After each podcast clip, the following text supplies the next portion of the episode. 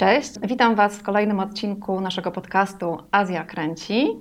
Jest to wydanie około festiwalowe związane z 14. edycją Azjatyckiego Festiwalu Filmowego Pięć Smaków. Ja się nazywam Ania Mamińska, a moim gościem jest dziś Filip Kalinowski, dziennikarz muzyczny i znawca hip-hopu. Tak, można powiedzieć. Cześć, witam wszystkich.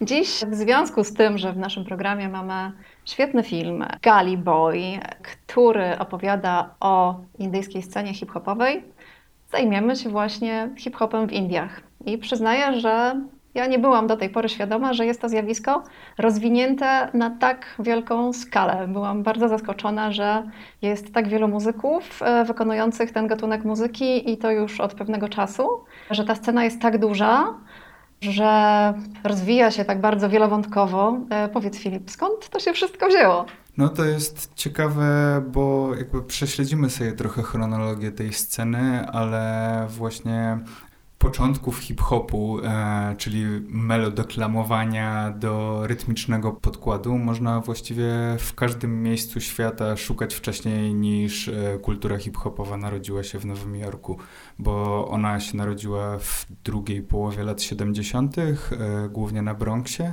i od tamtej pory możemy mówić o hip-hopie i o kulturze hip-hopowej, w której skład, tak jak się przyjęło uważać, wchodzą cztery elementy, czyli graffiti, breakdance, rap e, i DJing, ale tych rzeczy, które są przed rapem się pojawiały, czyli właśnie mówienia do bitu, e, który nie był wtedy nazywany bitem, tylko jakimś rytmicznym podkładem, to możemy szukać właściwie w każdej kulturze wcześniej i w indyjskiej kulturze też możemy znaleźć takie rzeczy, bo jakby tam jest bardzo rozbudowana cały przemysł muzyczny około filmowy. I nie można tu mówić tylko o Bollywoodzie, bo właściwie każda prowincja posługująca się różnymi językami e, ma swój przemysł filmowy. I ja będąc w Indiach 5 lat temu, 6 lat temu, znalazłem jedną płytę, która właśnie pochodzi z 89 e, roku i jest już, można ją nazwać jakimś proto-hip-hopem, ale takim odnoszącym się do hip-hopu, ale można znaleźć jeszcze wcześniejsze rzeczy, bo wcześniej byli już e, aktorzy, którzy rymowali wiersze do czegoś rytmicznego. No właśnie, i tu może posłuchamy. Będzie to Ashok Kumar, aktor, mega gwiazda w zasadzie indyjskiego kina, taki amant z cygarem troszeczkę, z brylantyną tak. we włosach, w dosyć y, wywrotowym kawałku, a właściwie w utworze, który jest piosenką dziecięcą opowiadającą o pociągu. Tak Także fragment tego utworu za chwilę zaprezentujemy. फुलाए छाती पार कर जाती, बालू रेत, आलू के खेत, बाजरा, धान बुढ़ा किसान, हरा मैदान, मंदिर, मकान, चाय की दुकान पुल पग डंडी, टीले पर झंडी, पानी का कुंड, पंछी का झुंड, झोपड़ी, झाड़ी, खेती, बाड़ी, बादल, धुआँ, मोट कुआँ, कुएँ के पीछे बाग बगीचे धोबी का घाट मंगल की हाट गाँव में मेला, भीड़, झमेला, टूटी दीवार, टट्टू सवार, रेलगाड़ी रेलगाड़ी To był Ashok Kumar. Są osoby, które twierdzą, że jest to w zasadzie pierwszy indyjski rapowy kawałek, jaki tak. zobaczył świat. Zgadzasz się z tym? No właśnie nie do końca, bo to jest trochę tak jak na przykład w Stanach e, jest wielu takich twórców, którzy poruszali się po obszarach poezji, poezji mówionej, czy wręcz e, funkowych rzeczy, które wykorzystywały głos jako nie śpiew, tylko deklamację. I tak jak w Stanach w latach 60. już można znaleźć takie rzeczy i, i pewnie jakby się dłużej zastanowić, to możliwe, że jest jakiś polski kabaretowy utwór, który też był w e, podobnym stopniu jakoś melodeklamowany ale trudno to nazywać hip-hopem, bo to jest trochę tak jak z nazywaniem graffiti e, naskalnych, e, starych rysunków. W sensie te nazwy, które zostały ukute e, właśnie w latach 70., Oczywiście warto szukać ich jakichś pionierów, korzeni i tak dalej, ale jednocześnie nie wykorzystywałbym ich e, do określania rzeczy, które były wcześniej, a wydaje mi się, że ten utwór, który za chwilę posłuchamy, już pomimo tego, że kultura hip-hopowa w Indiach nie istniała, on jest pewną formą dialogu z tym, co się w tamtych czasach działo w Stanach. I tu znowu odnosimy się do ścieżek dźwiękowych z filmów, bo ta scena w tamtych latach, czyli gdzieś od końca lat 60. do 80., a właściwie też do dzisiaj. Jest skrajnie eklektyczna i czerpie z bardzo różnych wzorców i po części to jest muzyka tradycyjna, a z drugiej strony to jest ciągły dialog z nowinkami przychodzącymi z zachodu i wydaje mi się, że ten utwór, na który trafiłem zupełnie przypadkiem, bo jak byłem w Indiach, to w miejscach, w których można kupić płyty winylowe, nie ma odsłuchów, nie ma gramofonów, więc jest tak, że zwykle kupuje się te płyty po okładkach. No ja mam trochę jakichś takich przez lata nabytych wyznaczników, co może zawierać ciekawe wątki, więc jak na okładce jest właśnie taki, jak opisałaś Ashoka Kumara, facet z wąsem, z brylantyną, ale na przykład z pistoletem w ręku, a za jego plecami jest statek kosmiczny, to może świadczyć o tym, że ta muzyka będzie w jakiś sposób ciekawa. I ten utwór, którego za chwilę posłuchamy, moim zdaniem jego twórcy byli świadomi tego, co się wydarzyło w latach 80. w Stanach, czyli przełomie 70. lat i 80. w Stanach, czyli całej rewolucji, którą najpierw było disco, a później rap, który z początku też bardzo mocno wchodził w dialog z disco i, i stamtąd się wywodził. Tą główną różnicą była jeszcze większa rytmizacja tego i właśnie gadanie do tego. I, i tutaj ci twórcy gadają, a jednocześnie ten podkład jest bardzo taki disco hip-hopowy. E, także słuchamy. Przed nami fragment Alisha Chinai i Anu Malik. I'm a Kit Kat girl, I'm a honey hun girl, Chick Choc girl, a yummy yummy girl. He loves me, oh he loves me. He wants me, oh he wants me. ये भी मुझे चाहे बाबा वो भी मुझे चाहे बाबा कोई आगे आए बाबा कोई पीछे आए बाबा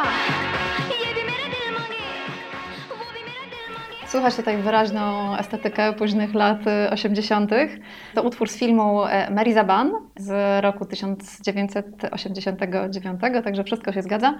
I jest to action thriller, tak taki jest, gatunek. Nawet go obejrzałem e, właśnie jak przywiozłem tą płytę. To jest historia faceta, który ma wydawnictwo jakieś książkowe i zostaje porwany. No, jest to dosyć klasyczna produkcja, taka właśnie film akcji z dużą ilością śpiewania, ale ten utwór bardzo przykuł moją uwagę i zaryzykowałbym tezę, chociaż nie czuję się ekspertem, bo jednak to jest nieprzebrana ilość płyt i, i różnych wątków z różnych regionów Indii, że być może była to jedna z pierwszych kobiet rapujących w Indiach, bo właśnie ta melodeklamacja tutaj jest rozbita na dwa głosy i to jest męski i kobiecy głos, więc być może była to pierwsza mistrzyni ceremonii w historii Indii. Jasne.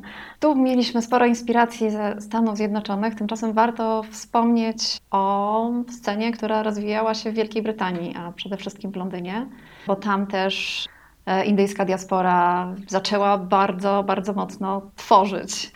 Jak e, najbardziej. Mhm. I tam też w Londynie w zasadzie urodziło się już wielu muzyków, którzy stworzyli fantastyczne kawałki. Między innymi Apache Indian, o którym za chwilę. Tak, to jest podobnie jak dużo też grzebałem e, w wietnamskiej historii hip-hopu i tam jest dokładnie analogiczna sytuacja, że pierwszy taki rap, rap, twórczość nagrywana z ze świadomością rapu i deklarująca, że jest rapem, to wietnamska diaspora w Stanach Zjednoczonych, a tutaj w przypadku Indii to byli Brytyjczycy bądź jeszcze może nie Brytyjczycy, chociaż e, Apache Indian e, urodził się w Wielkiej Brytanii. I to tak jak czasami ludzie mówią, że jak chce się najlepsze indyjskie jedzenie zjeść, to trzeba się wybrać do Wielkiej Brytanii, to e, tutaj ten pierwszy przykład rapu, który był głęboko zanurzony w kulturze indyjskiej i jednocześnie korzystał po części z e, języka hindu, bo dużo Apache Indian rapował po angielsku, to właśnie stamtąd. I też ciekawy kulturowo, bo on ma szereg utworów, które które odnosiły się do bolączek tej diaspory, jak na przykład utwór Arranged Marriage, gdzie komentował sytuację, która musiała być jeszcze bardziej dojmująca w Wielkiej Brytanii, gdzie cały świat wyglądał inaczej, a jednak starsze pokolenia, które zwykle przyjechały z Indii, a, a nie urodziły się w Wielkiej Brytanii, dalej dla swoich e, potomków chciały tej tradycyjnej drogi zawierania małżeństw, e, czyli aranżowania ich pomiędzy rodzinami. I właśnie w jednym utworze on dawał wyraz buntu temu, e, co myślę, że było pokoleniowym doświadczeniem wielu młodych Brytyjczyków już wychowanych w kulturze zupełnie innej i zachodniej, a jednocześnie wracających do domu, w którym panowały te tradycyjne wartości i i tak, no to, to myślę, że było duże zderzenie tych. Mhm. E, Warto też nadmienić, że jest to artysta, który bardzo jakby dobrze się odnalazł na brytyjskim rynku, bo zyskał wiele znaczących nagród e, UK Asian Music Awards za największe osiągnięcia, w ogóle za całokształt pracy artystycznej, tak. także był on tam doceniany lokalnie, co, co bardzo ważne i motywujące też zapewne dla, dla wielu muzyków. Tak, jak najbardziej i tutaj też jeszcze jeden wątek możemy poruszyć, to, że on istniał na takiej scenie, która nie była stricte rapowa, tylko jak wiele brytyjskiej muzyki, nazwijmy ją miejskiej, mieszała bardzo różne wątki, e, więc tutaj się pojawiają i wpływy elektronicznej brytyjskiej sceny, jungli, e, drum and bassu i jednocześnie gdzieś pojawiają się te rzeczy, które myślę, że może wyniósł z płyt rodziców, czyli właśnie tradycyjna muzyka indyjska, a z trzeciej strony jeszcze właśnie ten e, melodeklamowany, rapowany wokal. I to jest bardzo tradycyjne dla muzyki brytyjskiej. To, że wszystko się miesza w tym kulturowym kotle, z tego wychodzą różne ciekawe połączenia, które często wręcz zyskują nowe nazwy i później gdzieś idą dalej w świat. A tutaj dodatkowo on bardzo dużo miał takiej identyfikacji kulturowej, bo i okładki jego płyt były inspirowane Indiami i, i sama nazwa Apache Indian nakierowywała na to, skąd jest. Także przed nami fragment Apache Indian.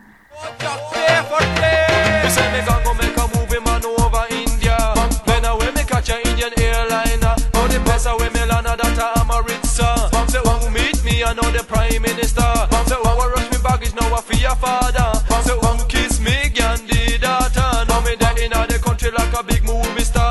Jump on a taxi, them call a rickshaw. Pass Bombay and a Calistania.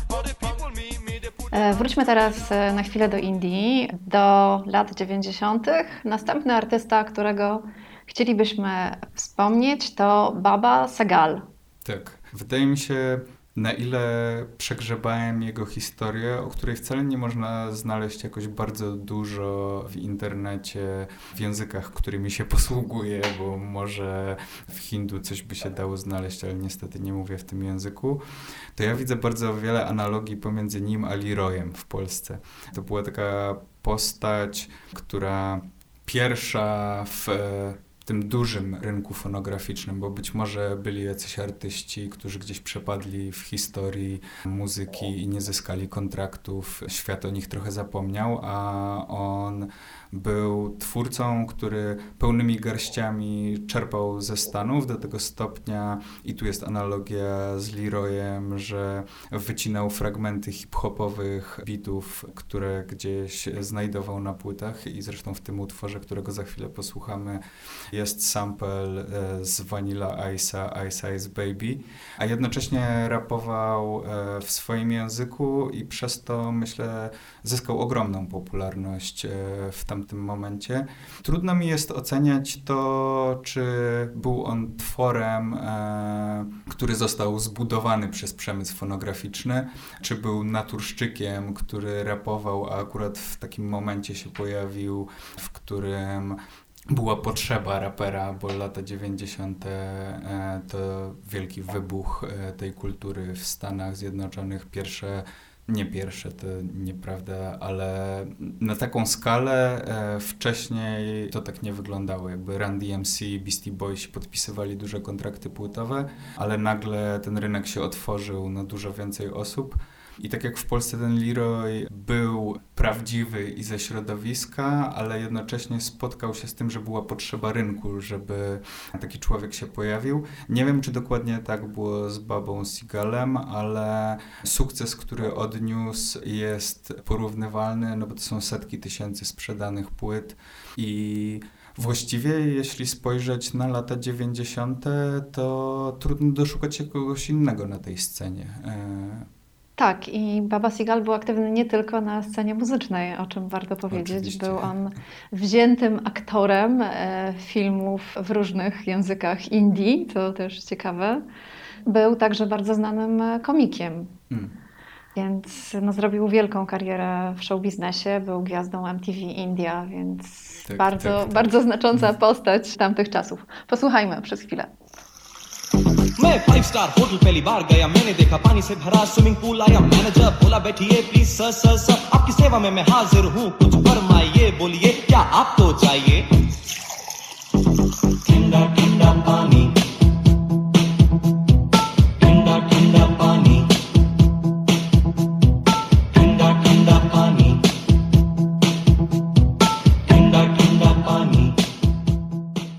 To był Baba Sigal, a teraz wrócimy jeszcze na chwilę do Londynu i porozmawiamy przez moment o Punjabi MC, który to bardzo spopularyzował bangrę na całym świecie w zasadzie. Bangra to tradycyjny gatunek muzyki indyjskiej. Bardzo, rodzaj bardzo energetycznego tańca, bardzo energetycznej muzyki, doprowadzający wszystkich do szaleństwa niemal. tak jest i, i jednocześnie tak jak wiele mm, nurtów ludycznych, folklorystycznych, bardzo szybko się update'ujący i to, że on nagle w latach 90. był dopalony elektroniką i uwspółcześniony, to wydaje mi się bardzo znaczące i właśnie w nie chcę tutaj do końca tworzyć analogii pomiędzy polską muzyką ludową i disco polo, ale jakby wszystkie zmiany techniczne, które się pojawiają na wsi, e, są zwykle przyjmowane z otwartymi rękami. I dlatego ta bangra do dzisiaj jest cały czas żywa, że nie jest muzyką tylko rodziców, dziadków czy dawnych pokoleń, tylko przez to, że w pewnym momencie zaczęła być mieszana z elektronicznymi różnymi brzmieniami, zostały zaprzężone do jej produkcji syntezatory, maszyny perkusyjne i szereg różnych nowych wynalazków, to ona jest wciąż popularna i na przykład w Indiach na taką muzykę współczesną zwykle się mówi DJ music i w takich sklepikach, w których są kompakty z MP3, no bo to jest naczelny nośnik obecnie muzyki sprzedawanej w tamtejszych sklepach, to ta działka się nazywa DJ Music i, i, i tam można znaleźć na przykład tą taką elektroniczną bangrę, którą właśnie Punjabi MC e, rozpropagował na cały świat, no bo ten e, utwór był ogromnym hitem, a dodatkowo jego związek z hip-hopem jest dosyć ciekawy, bo sam Jay-Z e, zarapował w remiksie tego utworu. Myślę, że, że, że to nastąpiło taką klasyczną fonograficzną drogą, ok, mamy hit, więc jeszcze go podgrzejmy tym, że duże nazwisko, duża ksywka do niego zarapuje. No i ten utwór leciał wszędzie w tamtym momencie. Ja pamiętam, jak on na polskiej Vivie czy MTV, na jakiej rotacji był, w klubach przez ile czasu był grany i chociaż, tak jak wspominałem, Baba Seagal był jednym z e, nielicznych, jeśli nie jedynym hinduskim raperem w latach 90., to ta diaspora brytyjska bardzo była w tamtym momencie głośna, a Punjabi MC chyba najgłośniejszy. Tyle już powiedzieliśmy o tym utworze, więc warto przez chwilę chociaż go posłuchać. to był Punjabi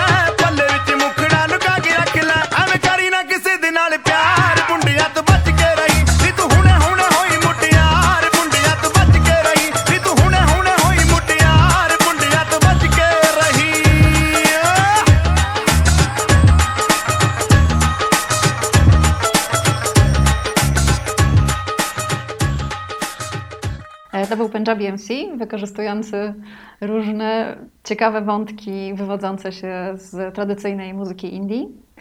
I te wątki tradycyjne w tamtych czasach, czyli koniec lat 80., początek lat 90., stały się bardzo popularne na londyńskiej scenie muzycznej. Może trochę dzięki, może nawet nie trochę, ale bardzo dzięki temu, co robił Peter Gabriel, e, zakładając swoje wydawnictwo Real World i wydając masę fantastycznej muzyki z Indii, ale też dzięki wydawnictwu Nation które powstało z inicjatywy Akinawaza między innymi. I to czas, kiedy na londyńskiej scenie zaczęły dziać się bardzo ciekawe rzeczy inspirowane muzyką azjatycką, w tym właśnie muzyką indyjską. Tak, wydaje mi się, że w ogóle dwie najgłośniejsze diaspory w historii brytyjskiej muzyki sound systemowej, klubowej, tej takiej czerpiącej z różnych miejsc, ale jednak zwykle zasilanej elektroniką i współczesnymi nurtami, no to jest zdecydowanie Jamajka i Indie. I zresztą często ten podział brytyjski, że Indie i West Indies, e, czyli właśnie Karaiby e, i tamtejsze wątki muzyczne i tego było bardzo dużo w tamtym momencie. To taka, nie wiem, ja nie lubię tych takich określeń typu world music, ta muzyka elektroniczna napędzana przez etniczne jakieś wpływy, ona wydaje mi się, że tylko potrzebowała iskry, w sensie te rzeczy są tak nośne i też może troszeczkę przez swoją obcość kulturową, gdzie trzeba by zapytać e, jakiegoś mieszkańca Indii, ale być może niektórzy z nich, dla nich to jest takie osłuchane, jak dla nas nasza lokalna muzyka folklorystyczna, ale dla nas to jest zupełnie obce, inne, te podziały rytmiczne i wszystko jest strasznie energetyczne i, i właśnie tak jak wspomniałaś o Akim Nawazie i całym Depth Foundation, to w tamtym momencie, kiedy zaczęły wychodzić pierwsze single, później płyty, no to ogrom ludzi wsiąkł w to zupełnie i wydaje mi się, że też ogromną rolą muzyki było to, że w poprzednich dekadach było bardzo dużo napięć międzyrasowych w Wielkiej Brytanii i jakby jeśli spojrzymy na przykład na muzykę jamańską, no to ona, e, najbardziej znany film e, o niej, e, czyli Rockers, cały opowiada o napięciach rasowych właściwie, a jednocześnie później nadejście artystów, którzy byli gremialnie słuchani. Trudno powiedzieć, żeby to jako jedyne zmieniło ogląd tego, jak są postrzegani migranci, ale na pewno miało to ogromny wpływ i wydaje mi się, że tak samo z indyjską diasporą w Wielkiej Brytanii to młodzi ludzie już myśleli o nich zupełnie inaczej, od kiedy posłuchali Asian Dub Foundation e, czy Punjabi MC. Tak, czy Transglobal Underground, Dokładnie. o których warto powiedzieć, Fundamental, e, Fundamental tak. czy tutaj mamy też, no już nie, nie, nie rapowo, nie punkowo, Talvin Singh, też bardzo Pewnie znacząca postać tutaj bardziej w scenie elektronicznej. No ale właśnie, mówiąc o Transglobal Underground czy Asian Dub Foundation, wkraczamy w takie rytmy już mocno undergroundowe, mocno punkowe i to doskonale nawiązuje do kapeli, której posłuchamy za chwilę, a będzie to Five Little Indians.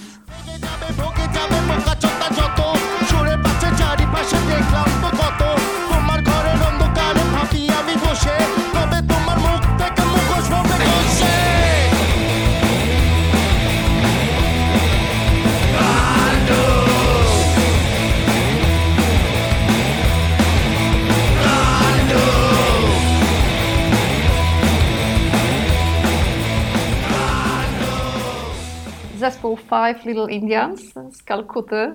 Cóż to za formacja? E, to jest zespół, który ja wcześniej w ogóle o nim nie słyszałem i jakby nie natrafiłem w jakichś moich poszukiwaniach e, na e, nazwę nawet tej grupy.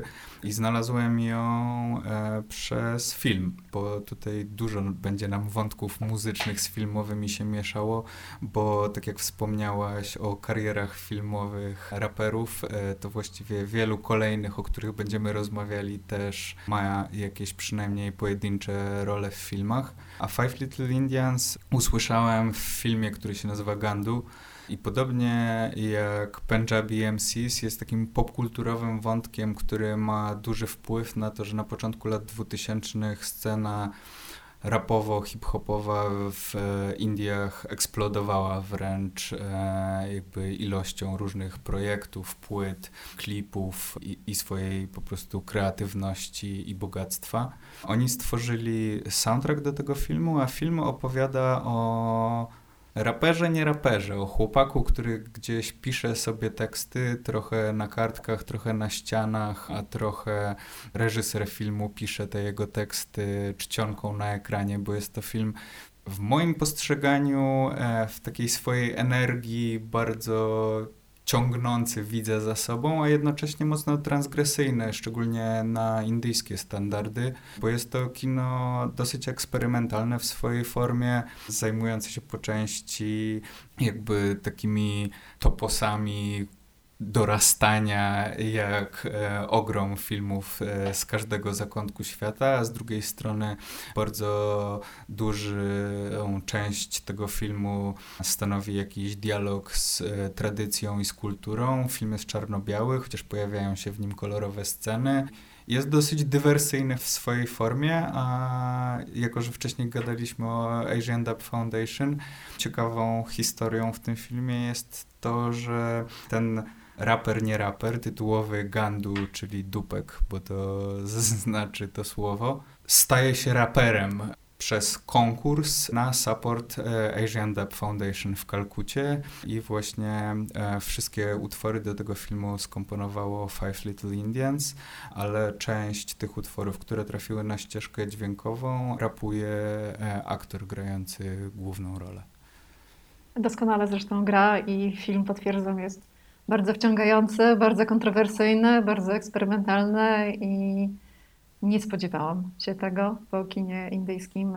Bardzo mnie to zaskoczyło. I co ciekawe, nie wiem, czy możemy tutaj promować możemy. inne platformy. możemy. Film można zobaczyć e, na Netflixie i bardzo, bardzo go polecamy. Tak. I co oboje nas bardzo zaskoczyło, bo, bo jest to eksperymentalne kino, nie taki tradycyjny Netflixowy obrazek. Tak, a wracając do Five Little Indians, zespół na co dzień nie grał może aż tak punkowej e, muzyki. Oni też bardzo inspirowali się tradycyjną muzyką Indii, ragami, e, używali tradycyjnych pieśni indyjskich, także można sobie poszperać w internecie i, i poszukać różnych ich wykonań. I nawet zrobili karierę, udawało im się wystąpić czy w Korei, czy w innych krajach azjatyckich, a jeden z ich utworów został nawet załączony jako dodatek do magazynu Rolling Stone, więc hmm. mieli szansę wypłynąć przez chwilę na szersze wody, ale zespół rozpadł się, zdaje się, w 2011. Tak, widziałem, że to już mhm. nie jest funkcjonująca grupa.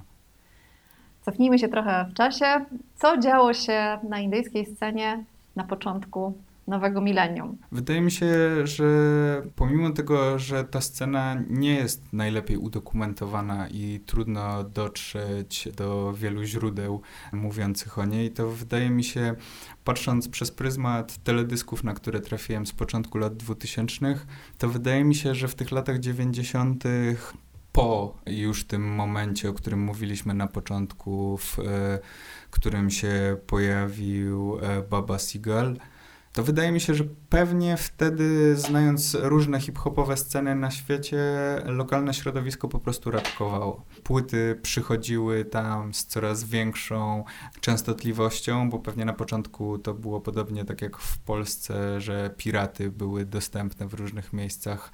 Zanim jeszcze e, płyta CD z MP3 się pojawiła, to wcześniej naczelnym nośnikiem była kaseta w Indiach i myślę, że od czasu do czasu pewnie się zdarzało jakiś public enemy albo jakiś inny zespół hip-hopowy na tych kasetach i pewnie szereg młodych ludzi w tamtym czasie zafascynował się tym, co słyszał i, i zaczynał jakieś swoje pierwsze próby, czy to będzie z rapowaniem, czy DJ-owaniem, czy z graffiti, czy z breakdancem ale taki wybuch, o którym już wspominałem, nastąpił właśnie na początku lat 2000, co jest zrozumiałe w związku z technologiami, z internetem, z tym, że rap stosunkowo łatwo nagrać, bo potrzebny jest do tego mikrofon, a nawet jak mikrofonu nie ma, to można rapować przecież do słuchawek, bo jak się wepnie, to jedna jest aktywna i służy za mikrofon. YouTube, czy wcześniej platformy peer-to-peer były pełne różnych bitów, do których ktoś mógł sobie rapować. I też podobnie tak jak większość lokalnych scen właściwie na całym świecie, to hip-hop ten z pierwszej fazy rozwoju był bardzo zapatrzony w Stany składy się nazywały po angielsku, rapowali bardzo często po angielsku, ubierali się dokładnie tak jak w amerykańskich teledyskach. Wartości przyświecały im podobne jak e, w klipach z USA i też to wszystko było po części przeszczepione, a też zwykle zachodzi taki mechanizm, że trochę przerysowane i były wręcz zespoły, które się nazywały w odniesieniu do amerykańskich e, zespołów, bo takie jak NWA e, to jest N-World e, with Attitude, to był zespół chyba z południa Indii, który się nazywał Matchas with Attitude.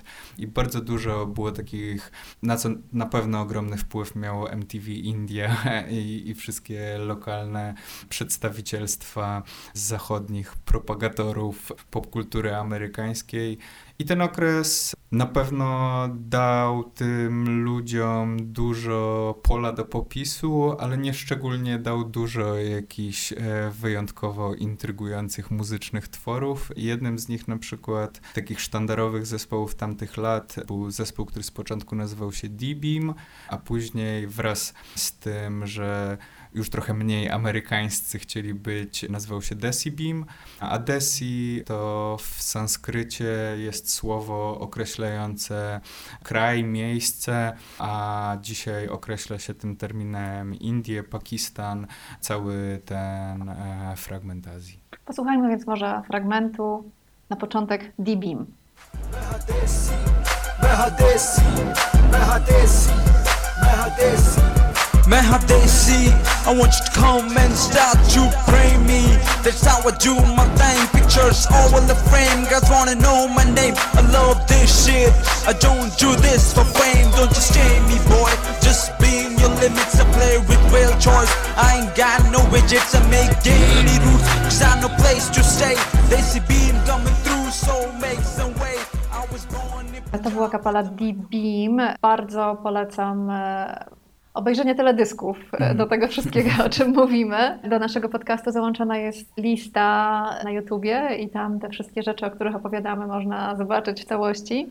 Tak, no, jest to kawałek to, co, Ameryki w Indiach. Tak, to co się dzieje do teledysku zespołu Deep Beam, to są piękne amerykańskie ciuszki, to są drogie samochody i to są teksty w stylu Born in Punjab with mic in my hand. To brzmi tak dosyć jest. śmiesznie.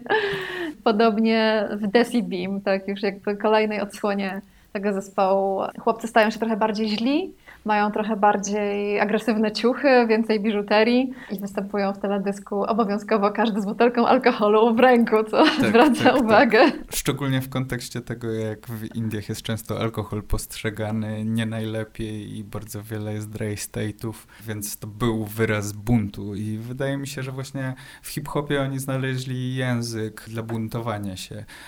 Wraz z tym, jak zobaczyli inne fragmenty świata, to tym bardziej pewnie pewnie odczuwali potrzebę, żeby gdzieś te tradycyjne wartości, które w Indiach jednak otaczają człowieka dużo bardziej niż właściwie gdziekolwiek byłem na świecie, to tak jak wspominałeś o tych butelkach alkoholu w ręku, to zwykle w drugiej ręce jest kij baseballowy tak. i chłopaki są bardzo agresywni I, i szereg zespołów z tamtych lat jest właśnie taki i, i też e, nawet nazwy mają jak Mumbai's Finest, Bombay Basement, jest bardzo dużo takich anglojęzycznych nazw, które dodatkowo mają ten człon lokalny i, i gdzieś pielęgnują ten taki lokalny patriotyzm, którego dużo było w hip-hopie, ale nie w formie muzycznej, nie w formie tekstowej, tylko w identyfikacji. No a patrząc na zespół Desi Beam, mam trochę wrażenie, że to była taka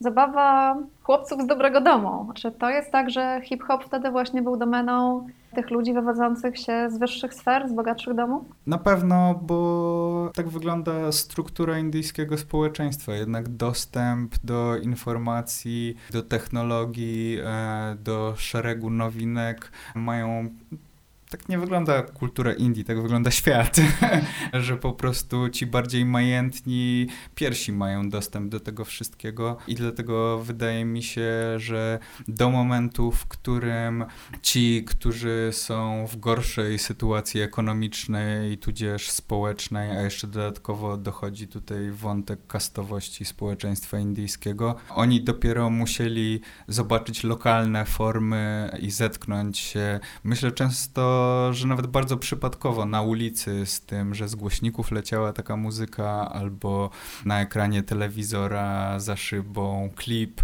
to dopiero wywołało tą drugą falę, ale do dzisiaj jest tak, że większość raperów z Indii, poza pojedynczymi przypadkami, to są jednak ludzie majętni i pochodzący z wysokich kast i uprzywilejowani przez to. Posłuchajmy zatem jeszcze raz e, zespół Desi Beam, a kto może, niech koniecznie zobaczy teledysk. ਤਨ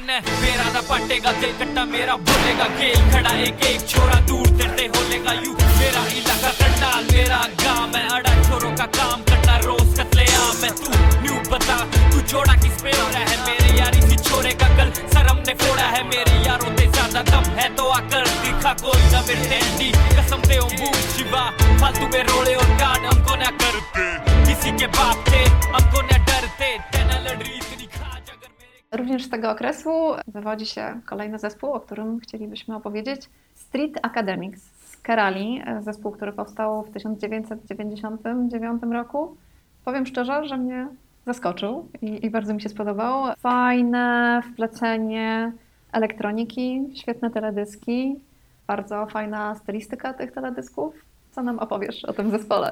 To też jest tak, że y, ja wykonałem dużą selekcję tych numerów, bo właśnie skupiając się na tym początku lat 2000 obejrzałem naprawdę ogromną ilość klipów, które wszystkie wyglądały jak właśnie takie e, zrealizowane za mniejsze pieniądze wizje amerykańskich hip-hopowców.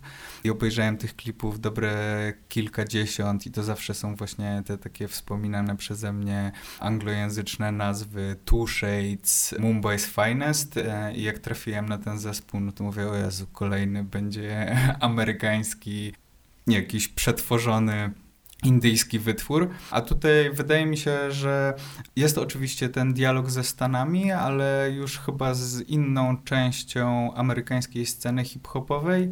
Dużo więcej pojawia się tutaj w kwestii sampli i w kwestii samej produkcji muzycznej wątków lokalnych. I tak jak tamte były takimi gangsta rapowymi snami o potędze, agresji. I tak jak wspominałeś, pewnie chłopaków z dobrych domów, którzy nie nigdy nie mieli styczności z, z jakąkolwiek formą agresji, przemocy i tym bardziej e, struktur gangów, to tutaj jest tak zwane truskulowe podejście do hip-hopu i taki świadomy rap, dosyć e, jasny w swoim przekazie i co też ciekawe, to jeden z pierwszych przykładów, jak pojawiał się język tamilski w, w hip-hopowym świecie.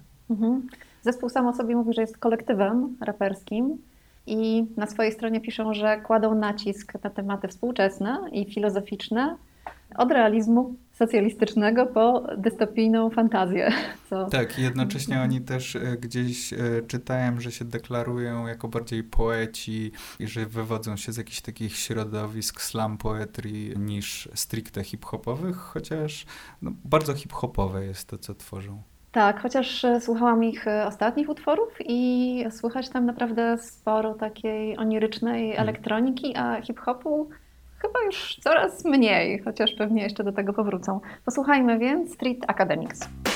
கலாசுகாலி பல்லையும் காலி பதினஞ்சு ரூபாயையும் கொடுத்தடிச்சு போசே பச்சை பட்டாணி பின்ன വൈപ്പുക പൊട്ടിയ പോലെ വാക്കുകൾ അന്ന് വന്ന് തുടങ്ങി എഴുതി എഴുതി പണ്ടാറടങ്ങി ഇത് വെറും സാമ്പിൾ പൂരത്തിന് കാതോർത്തിരുന്നു വണ്ടി വണ്ടി വണ്ടിക്കൊരു Panchari Doppler.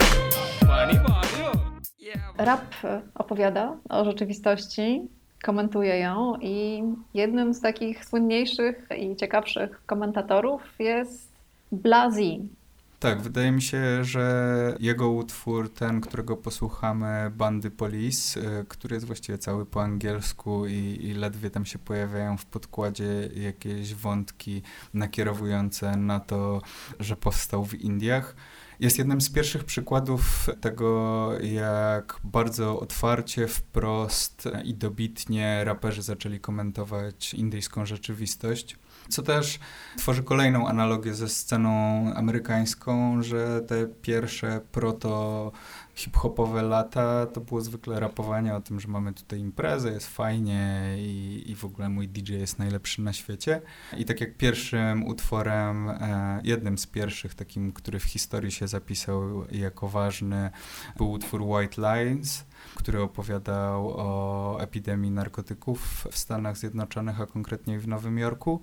To Blazi, który Również nie wywodzi się z ulicy, nie jest reprezentantem jakichś biednych e, i nieuprzywilejowanych części społeczeństwa, pochodzi z kasty braminów, wychowywał się najpierw w Zambii, później w Wielkiej Brytanii, później siedział w Stanach. W Zambii ponoć tańczył breakdance przed prezydentem Zambii, więc to pokazuje, że jego rodzice również nie wyjechali do Zambii w e, jakichś takich czysto ekonomicznych powodów a jednocześnie jakby odczuł w pewnym momencie potrzebę wypowiedzenia się na palący w Indiach problem korupcji i nadużywania siły przez policję.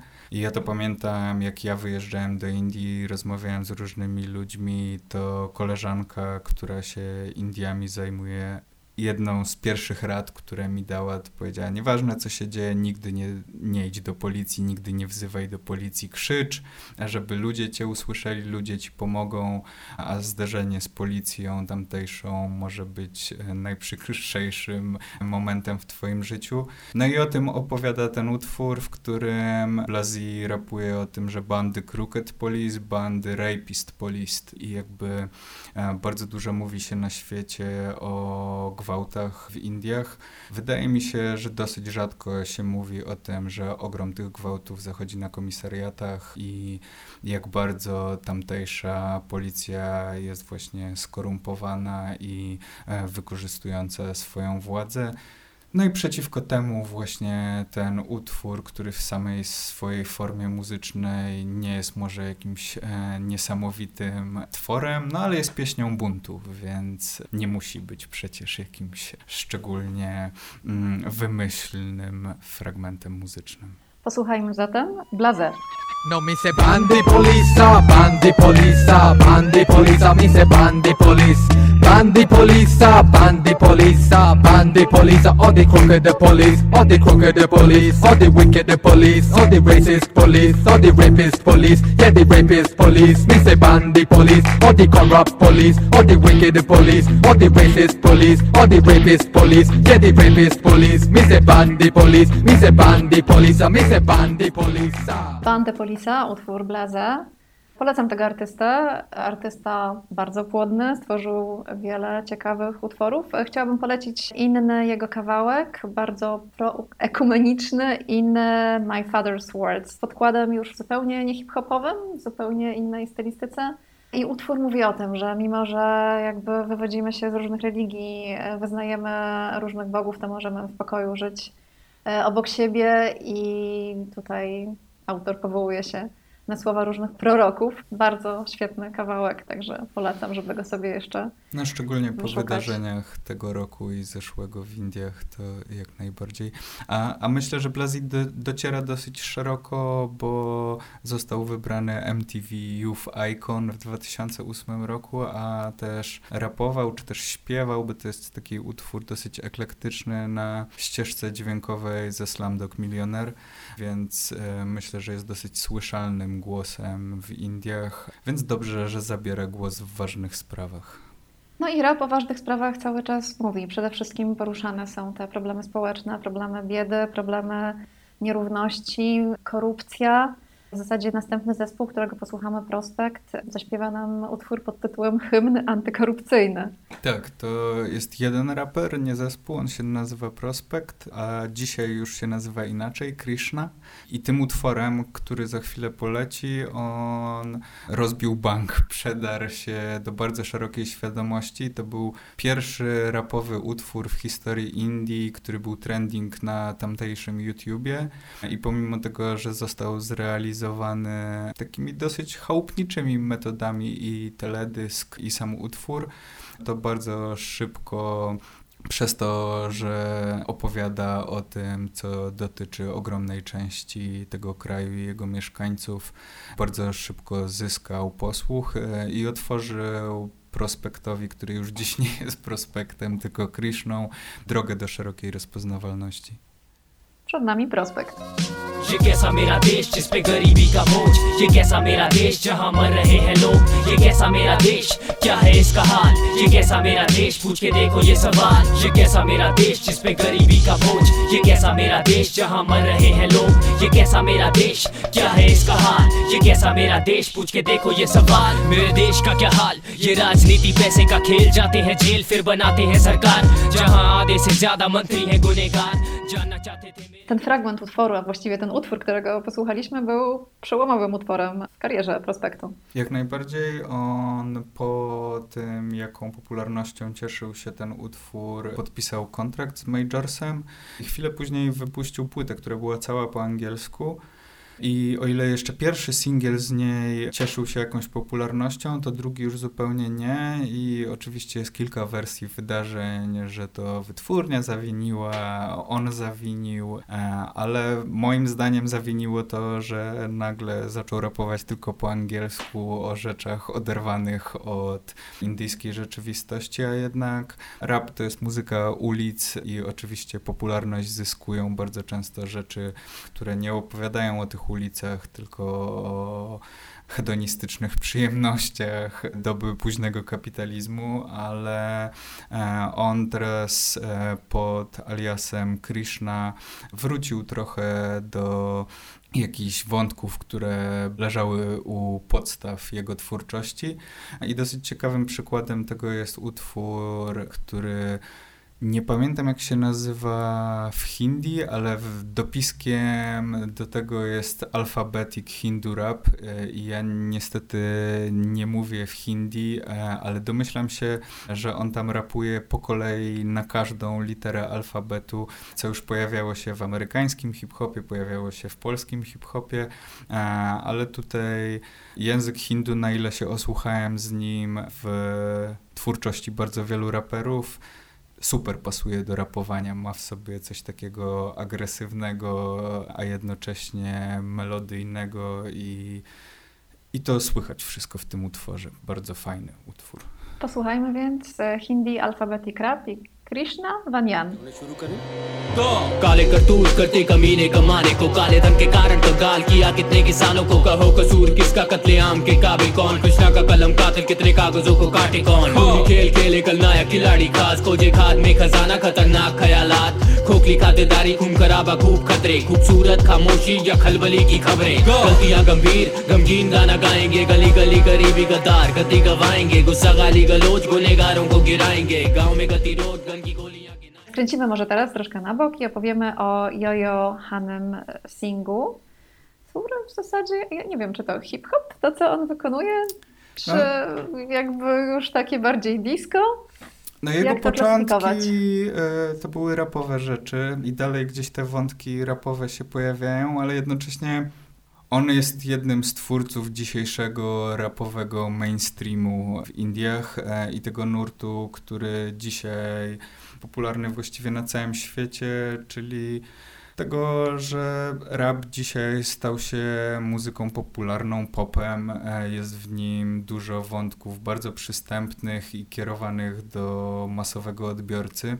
I taka była jego ścieżka kariery. On właściwie jest przede wszystkim też kolejną osobą, która ma bardzo dużo związków z przemysłem filmowym i do dzisiaj chyba jest artystą, któremu zapłacono najwięcej w historii indyjskiego przemysłu filmowego za stworzenie numeru do tamtejszego filmu. E, no i to są wszystko takie bardzo przystępne, e, pewnie dla wielu słuchaczy nośne i taneczne i, i, i, fajne utwory, które mają jakieś ogromne ilości wyświetleń. Też od jego pojawienia się na scenie ścieżek dźwiękowych i soundtracków datuje się takie bardzo mocne wejście tych rapowych wątków w, w przemysł filmowy tamtejszy, w którym dzisiaj właściwie bardzo często pojawiają się takie rzeczy i, i tak jak wiele osób patrzy na tamtejszy przemysł filmowy przez pryzmat tego Bollywoodu z lat 90., początku 2000, to jednak to już jest zupełnie inny Bollywood i spełnia bardzo wiele tych dzisiejszych zachodnich standardów, a jednocześnie jego postać jest dosyć kontrowersyjna, bo on w tym przeszczepianiu amerykańskich wzorców bardzo dużo utworów ma strasznie seksistowskich i takich traktujących kobiety bardzo podmiotowo, wręcz e, niektórzy jego krytycy doszukują się takiego wręcz pochwalnego czy nakłaniającego do molestowania czy przemocy seksualnej,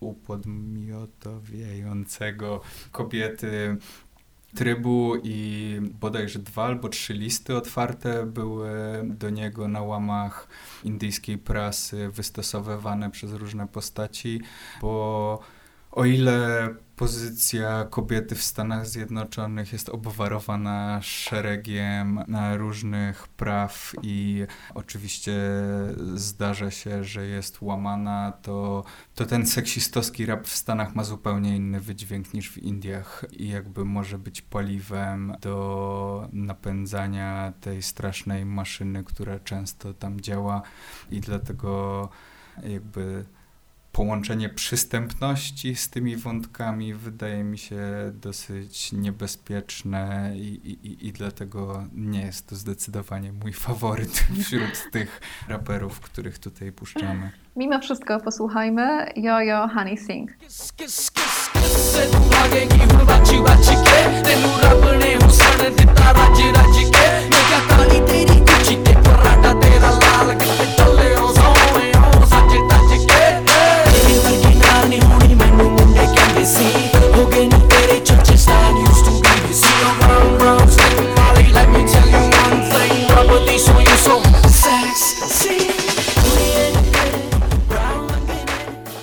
Kolejnym bardzo popularnym e, artystą tego nurtu jest Bat Shah. Tak. Mega gwiazda, mega produkcja również, mega stylizacja. Teledyski pełne tańczących e, kobiet w indyjskich strojach. Bardzo dużo popowych elementów, e, dużo efektów też, wokalowych efektów. On jest jednym z wychowanków Yo-Yo Honey Singa, który stworzył sobie taką wręcz platformę do promowania nowych artystów, z których pewnie znając różne zależności fonograficzne czerpie jakieś zyski. A wielu z nich e, zrobiło w kolejnych latach duże kariery, bo posługują się podobnymi e, metodami, bardzo dużo czerpią z e, aktualnych wyznaczników, trendów ze Stanów, jest dużo autotuna na wokalach. Jednocześnie co gdzieś w całym tym mainstreamowym rapie z indie fajne, no to pojawiają się tam również wątki tradycyjne i nie jest to taki jeden do jednego przeszczepiony z Ameryki wytwór, ale jest to muzyka pop, która jakby opiera się na jakichś rapowych fundamentach albo czerpie z rapowej stylistyki, ale jest to przystępna muzyka pop, która jest w jakichś absurdalnych zupełnie ilościach wyświetleń na YouTubie odtwarzana. Ja nie pamiętam, czy to właśnie on, czy któryś inny podopieczny Jojo należy do niego rekord wyświetleń w 24 godziny. To było 78 milionów wyświetleń. Oczywiście jego krytycy mówią, że te wyświetlenia były kupowane przez wytwórnie, ale i tak nawet przy tych klipach, które nie są możliwe, że kupowane ich wyświetlenia, e, to te liczby robią wrażenie. Ja się nie dziwię, że Batrzach jest popularny, jakby łączy wszystko to, co w muzyce indyjskiej się lubi, bo i dużą taneczność, i właśnie te wątki tradycyjne myślę, tak. że robią tutaj bardzo wiele. Posłuchajmy więc.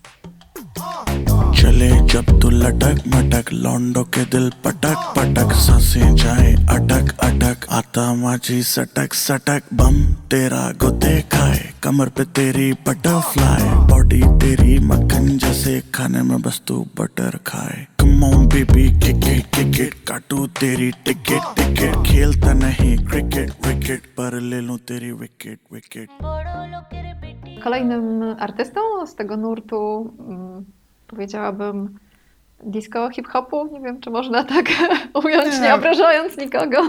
Wydaje mi się, że to też nie za wiele ma wspólnego z hip-hopem. W sensie mm -hmm. hip-hop to jest ta kultura, z której rap wyszedł, a dzisiaj rap jest czymś dużo większym niż mm. hip-hop.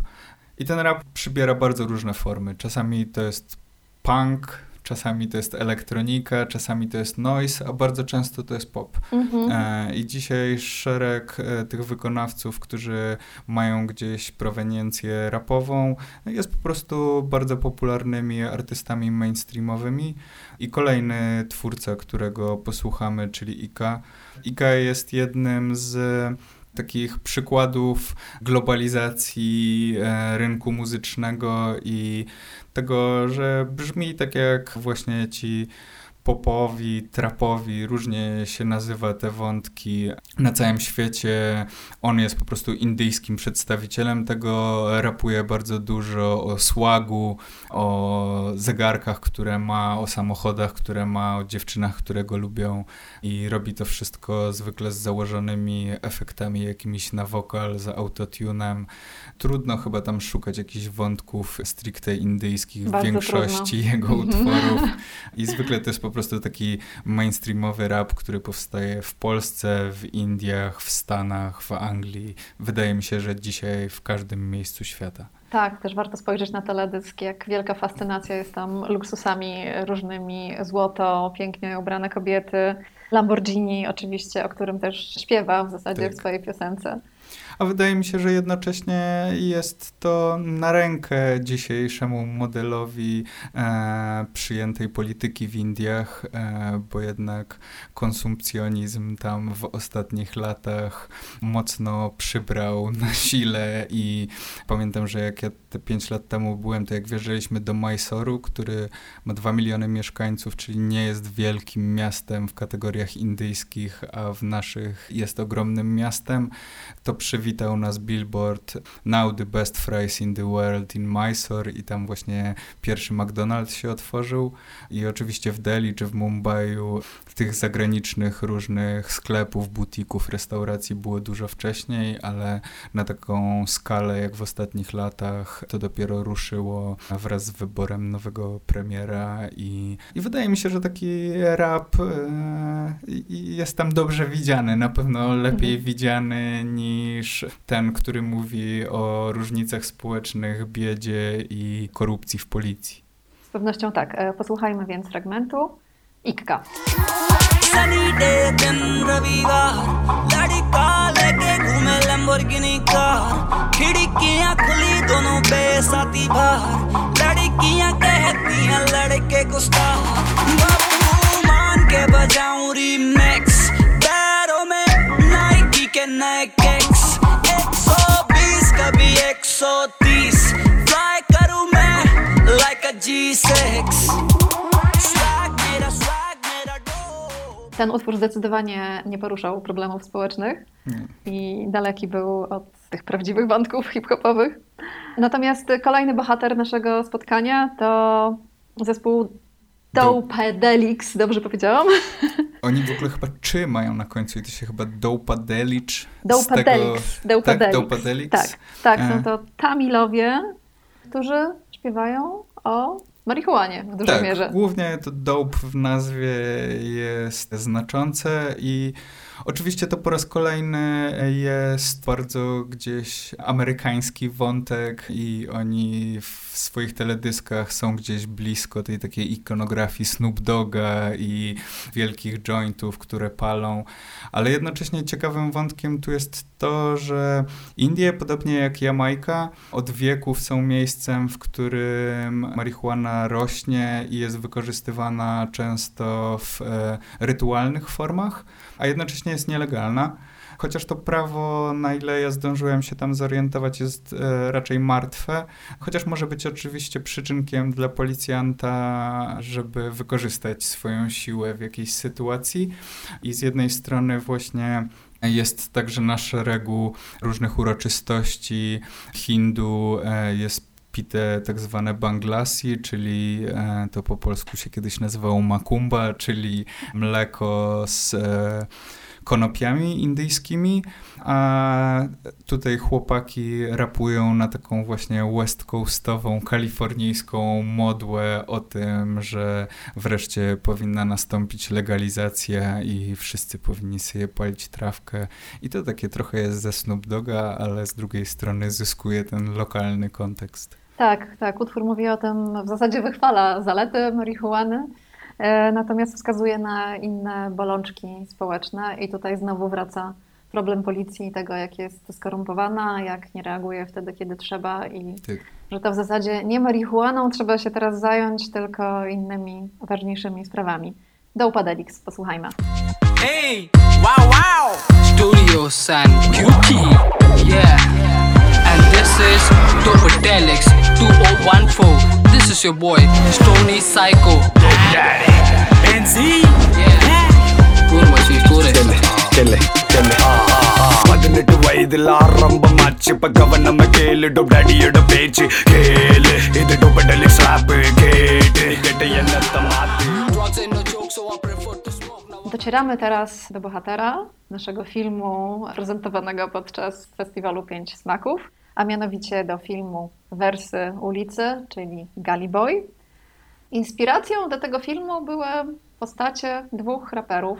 Nizi to pierwszy z nich oraz Divine. Oni w filmie nazywają się troszkę inaczej. Nizi to jest główny bohater, Murat, a Divine to DJ Sher, z tego Sher, co pamiętam. Tak, Tygrys, tak? Czy Tak, lew. tak, tak, tak. E, Jak bardzo blisko oddana jest ta prawdziwa historia tych raperów e, w filmie? Trudno o tym wyrokować. Na pewno e, jest to w jakimś stopniu e, uproszczone wszystko i jakby te napięcia musiały się rozkładać tam nie tylko w taki sposób jak w ich życiach, ale też e, w taki sposób jak się kręci filmy, więc romantyczne wątki muszą się wszystkie pojawić, różne rozterki serca i tak dalej, ale to, że Nizi jest z bardzo biednej rodziny robotniczej, że miał w swoim życiu e, konflikty z prawem i to, że swój pierwszy utwór, a także teledysk zrealizował na iPadzie, to wszystko z tego co wiem z wywiadów z nim jest prawda. Więc e, ta droga głównego bohatera od zera do bohatera jest w jego przypadku chyba jak najbardziej prawdziwa, szczególnie, że dzisiaj ma podpisany kontrakt z Massapil India, czyli e, wytwórnią NASA, który swoją drogą wyprodukował ten film. I chociaż nie pojawia się w nim sam, to pojawia się na plakatach i na zdjęciach. I tutaj jest podobna sytuacja jak w omawianym przez nas wcześniej Gandu. Gandu. Jak w omawianym E. przez nas wcze- wcześniej Gandu. Tak jest. To jest konkurs, kto zagra przed nasem. I też w tym konkursie, co ciekawe w kontekście całego tego filmu, poza dwoma aktorami, którzy grają główne role, wszyscy inni e, uczestnicy to są prawdziwi raperzy z lokalnej sceny i szereg tych raperów, których puszczamy w dzisiejszym podcaście. Posłuchajmy więc fragmentu Nizi. Mumbai का मैं छोकरा नगरी है अयाशों की अमीरों की सितारों की फंगारों की हंगारों की गरीबों की फकीरों की बस दाल रोटी की भी कड़की है मजबूरी है मालदारों की तड़की हुई तंदूरी है भड़की हुई मारोरी है खाके माँ की लोरी वो लड़की भूखी सोरी है वो तरसी हुई सी थोड़ी है खाने को भी वो रोरी है नाने को भी नहीं मोरी है वो रस्ते पे ही धोरी है वो सस्ते में बड़ी हो रही है सरकार अपनी सोरी है पैसों की बड़ी बोरी है two G three G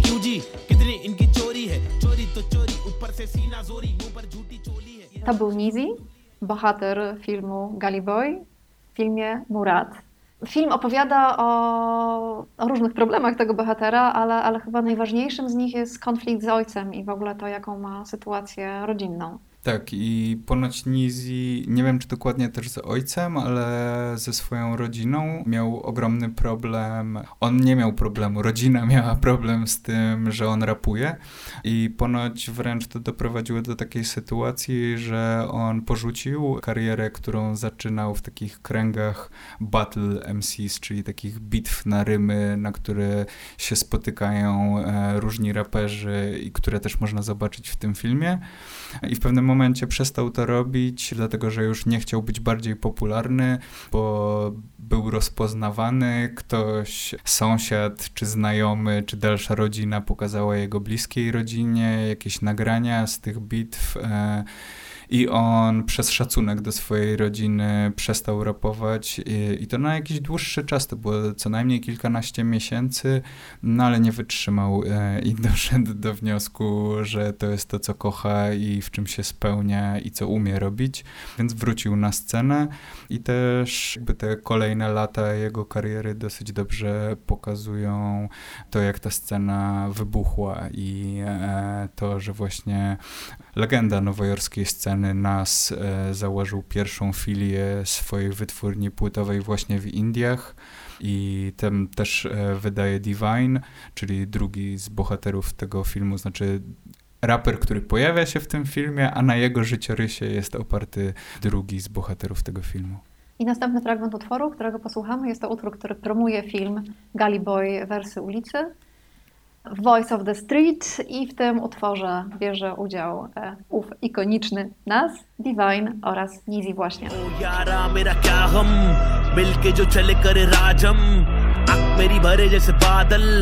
ओ यारा मेरा क्या हम मिलके जो चले करे राजम आंख मेरी भरे जैसे बादल गीत मेरे बहे जैसे सावन Voice of the street, voice of the street, it's the boys from the Naka, it's the voice of the street, boy. Voice of the street, voice of the street, it's the boys from the Naka, it's the voice of the street, boy. Voice of the street, voice of the street, it's the boys from the Naka, Naka, voice of the street, boy. Voice of the street, voice of the street, it's the boys from the Naka, voice of the street, boy. Nas, Divine i Nizi we wspólnym utworze. Kim właściwie jest Divine, a MC Sher w filmie? Jaka Divine? jest jego historia?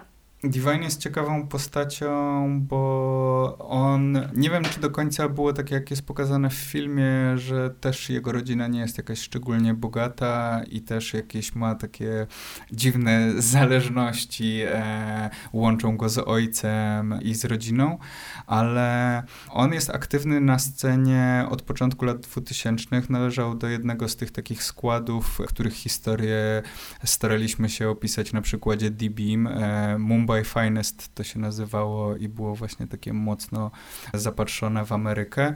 I był też Battle MC, czyli właśnie e, pojedynkował się na rymy, a ponoć gdzieś wspominał w ogóle jego świadomość hip-hopu pojawiła się w momencie, w którym kumpel do szkoły przyszedł w koszulce z 50 Centem i właśnie na tej koszulce pierwszy raz zobaczył hip-hop, zaczął drążyć, co to jest. No i to jest właściwie, wydaje mi się, jeden z najważniejszych obecnie e, raperów e, na scenie indyjskiej, który jednocześnie ma ogromną środowiskową wiarygodność, z drugiej strony jest bardzo popularny i potrafi połączyć te dwie rzeczy i właściwie wszystko, co od niego sprawdzałem, e, jest warte posłuchania. On też wydaje w wytwórni NASA, czyli w Masapil i na przykład pojawił się ostatnio w e, utworze brytyjskiego MC, który zrobił taki, to się nazywa post-cut w hip-hopie, czyli zebrał raperów z różnych stron, nie w jego przypadku nie dzielnicy, nie miasta, tylko całego świata. I tam jest jeden australijski skład rapowy, jest Francuz, jest ktoś z Bałkan, nie pamiętam z którego kraju i jest właśnie tam Divine e, reprezentujący Indię i bardzo ciekawa postać i dobry raper przede wszystkim. Słuchajmy więc Divine.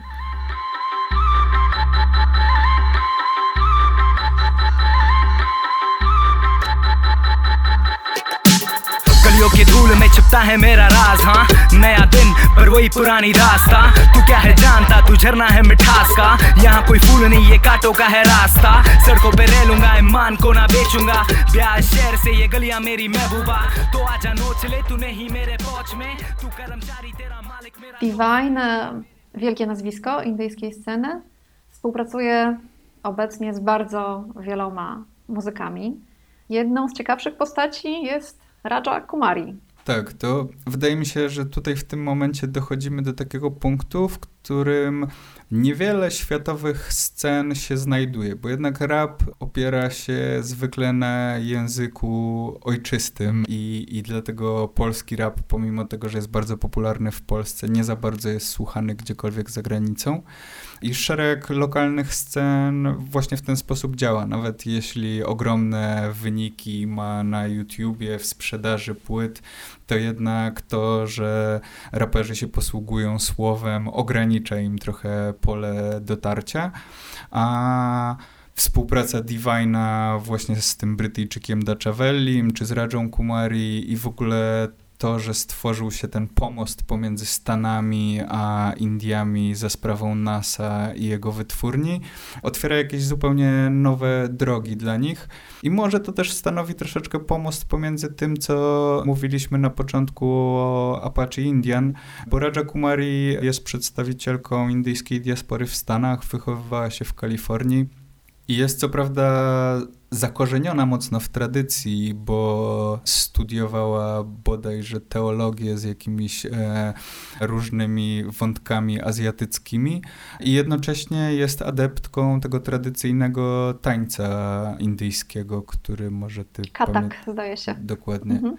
E, I ona co prawda właściwie nie korzysta z żadnych słów e, w języku hindu. E, Większość tego, co rapuje bądź śpiewa, jest po angielsku, ale jednocześnie w całej swojej prezentacji, e, w tym jakie ciuchy ma w klipach, gdzie kręci te klipy, to wszystko jest bardzo indyjskie i tak jak sama w którymś numerze rapuje, ona jest za bardzo amerykańska na Indię, a zbyt e, indyjska na Stany, ale przez to jest ciekawa i szereg jej utworów porusza wątki, które są gdzieś zakorzenione w tamtejszej kulturze, ale jednocześnie są dosyć uniwersalne i wydaje mi się, że ona ma szansę przebić kilka murów takich dzielących różne kultury, świadomości i, i miejsca na świecie po prostu. Tak, jest też artystką bardzo interesującą wizualnie. Jej teledyski to jest prawdziwe arcydzieło i widać, że inspiruje się postaciami e, indyjskich bóstw i na nie się stylizuje, Tak. ale też w takiej bardzo psychodelicznej formie, w bardzo odjazdowych, e, ostrych kolorach, także zdecydowanie warto obejrzeć jej. teledyski. Także posłuchajmy Radży Kumari.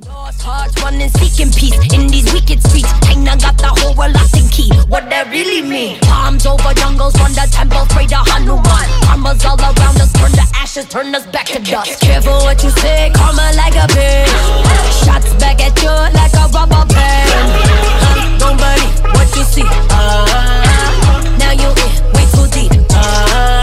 hand that you bite had the upper hand. To była Raja Kumari, zjawiskowa artystka, która zresztą też pojawiła się w filmie Gully Boy e, jako jurorka. Tak jest. A inną postacią, o której warto wspomnieć, jest MC Altaf, e, który również pojawia się w tym filmie i to jest jeden właśnie z tych autentycznych muzyków, którzy występują tam na scenie w różnych bitwach hip-hopowych, tudzież ubiegają się o to, żeby zagrać e, przed NASem. Bardzo młoda osoba, dwudziestolatek, który pochodzi z Mumbaiu i wychował się, no, obserwując liczne konflikty hindusko-muzułmańskie co też wspomina w swoich utworach. I ma na swoim koncie wiele osiągnięć, nie tylko muzycznych. E, w szkole słynął z tego, że lubił wszczynać bójki, e, bił swoich kolegów i e, był bardzo apodyktyczną postacią, domagał się posłuchu. Nie znosił, gdy ktoś mu rozkazuje, więc wszystkich starał się sobie ustawić. Idealny materiał na rapera. Tak, tak, tak, doskonałe. Skończyło się to tym, że wyrzucono go ze szkoły, ale w tej szkole tak czy inaczej zdążył e, spotkać ludzi, z którymi palił papierosy i, i, tworzył muzykę i tę muzykę dalej, dalej świetnie tworzy, rapuje o, o sprawiedliwości, rapuje o paleniu marihuany, także są to te tematy, o których już wcześniej rozmawialiśmy, jest wielkim fanem NASA i to też dla niego wielki honor, że że wystąpił e, w tym filmie przez NASA wyprodukowanym. I też wydaje mi się, tego nie jestem na 100% pewien, ale wydaje mi się, że jest kolejnym raperem, który podpisał kontrakt e, z wytwórnią NASA, bo jego nowy teledysk i utwór, który za chwilę poleci, właśnie chyba jest sygnowany Masa Pil logiem.